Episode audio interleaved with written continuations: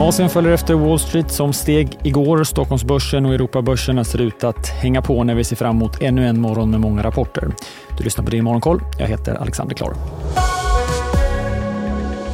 Det är uppåt på många håll i Asien. Hongkongbörsen tydligast som adderar nästan 2% Börsen i Sydkorea är inte långt efter. Tokyobörsen något mindre i sammanhanget, knappt 1 upp. Men där har vi också sett en valutaförstärkning, vilket allt annat lika gör att börsen inte går lika starkt. Och den kommer efter att landet bland annat släppt data som visar på ett historiskt stort handelsunderskott i januari. De kinesiska börserna i Shanghai och Shenzhen är också upp med dryga halvprocenten. Vi har också fått kinesisk data kring bostadspriserna i landet som utvecklats i sidled från slutet av fjolåret. I årstakt är priserna ner blott 2 vi vänder till Sverige och morgonens många rapporter. Gamingbolaget Embracer rapporterar ett klart högre resultat än i fjol, men sämre resultat än väntat. Omsättningen mer än dubblades och den justerade vinsten ökade med nästan 80 procent. Rörelseresultatet som ebit blev positivt 226 miljoner kronor. Men det justerade resultatet alltså som bolaget vanligtvis pratar om betydligt högre, 2 miljarder, men då nästan 20 procent lägre än analytikerna räknat med. Den justerade rörelsemarginalen försämrades och tyngdes av nedskrivningar och spelutvecklingskostnader för bland annat spelet Saints Row. Och den organiska försäljningstillväxten var också negativ och minskade med 3% i kvartalet. Bolagets VD Lars Wingefors lyfter särskilt fram det förbättrade kassaflödet i sitt VD-ord och bolaget upprepar också sina prognoser som bland annat innehåller ett justerat resultat på mellan 8 och 10 miljarder i år och 10 till dryga 13 nästa år. Man blickar också lite längre fram i sin kalender och säger att man har 31 så kallade AAA-titlar planerade att släppa fram till 2028. Det finns flera rapporter på agendan, bland annat från Sinch som väntas ha mer än dubblat sitt justerade resultat. Det även rapporter från Fortnox, Eloxwind och Nederman. Vi är specialister på det vi gör, precis som du. Därför försäkrar vi på Swedea bara småföretag, som ditt. För oss är små företag alltid större än stora och vår företagsförsäkring anpassar sig helt efter firmans förutsättningar. Gå in på swedea.se företag och jämför själv.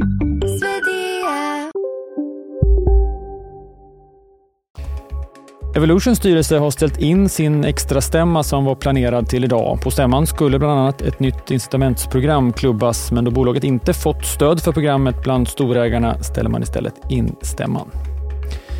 Vidare till USA som alltså stängde uppåt igår och man tolkade till slut gårdagens väldigt starka konsumtionssiffra som positiv. S&P 500 steg 0,3 procent, Nasdaq var upp 1 procent. Bland enskilda bolag så lyfte Cisco 7 procent i efterhanden på en stark rapport med starkare prognoser än väntat. Den amerikanska kongressens budgetkontor flaggade igår för att den amerikanska staten kommer att tvingas ställa in sina betalningar i juli om inte skuldtaket höjs. Eventuellt redan tidigare om skatteinbetalningarna i april blir lägre än prognos. Det är än så länge dödläge i kongressen kring att höja skuldtaket. Flera republikaner endast är villiga att gå med på det om det också innefattar stora budgetnedskärningar. På tal om politik så överväger Vita huset att nominera Austin Goldsby till vice ordförande i centralbankens Federal Reserves styrelse. Det här rapporterar Wall Street Journal och hänvisar till källor. Goldsby var tidigare rådgivare till president Barack Obama. Positiva börser som sagt och även en ökad riskaptit för kryptovalutor. Med en uppgång på över 10% senaste dygnet är nu priset för en bitcoin väldigt nära men fortsatt strax under nivån 25 000 dollar. Där har man inte befunnit sig sedan augusti i fjol. Vi får se om det där positiva momentumet även gäller dagens rapporterande bolag. DTV sänder på sajten från klockan halv åtta och genom börsöppningen och pratar med flera av dagens rapportörer. Börsmorgon som också kommer som podd klockan 11 varje dag. Och du missar väl förresten inte heller att det kom ett nytt avsnitt av Digitalpodden. Denna vecka handlar det om den alltmer pressade techscenen och begreppet nedåtrundor, något av en ny trend där bolagens värderingar skruvas ner i den nya makromiljön men investerarna fortsätter att skicka in pengar. Du hittar Digitalpodden på sajten eller i din poddspelare. Jag heter Alexander Klar.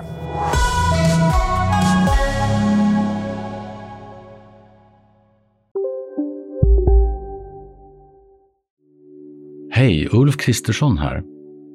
På många sätt är det en mörk tid vi lever i.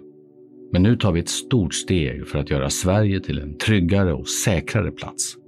Sverige är nu medlem i Nato. En för alla, alla för en.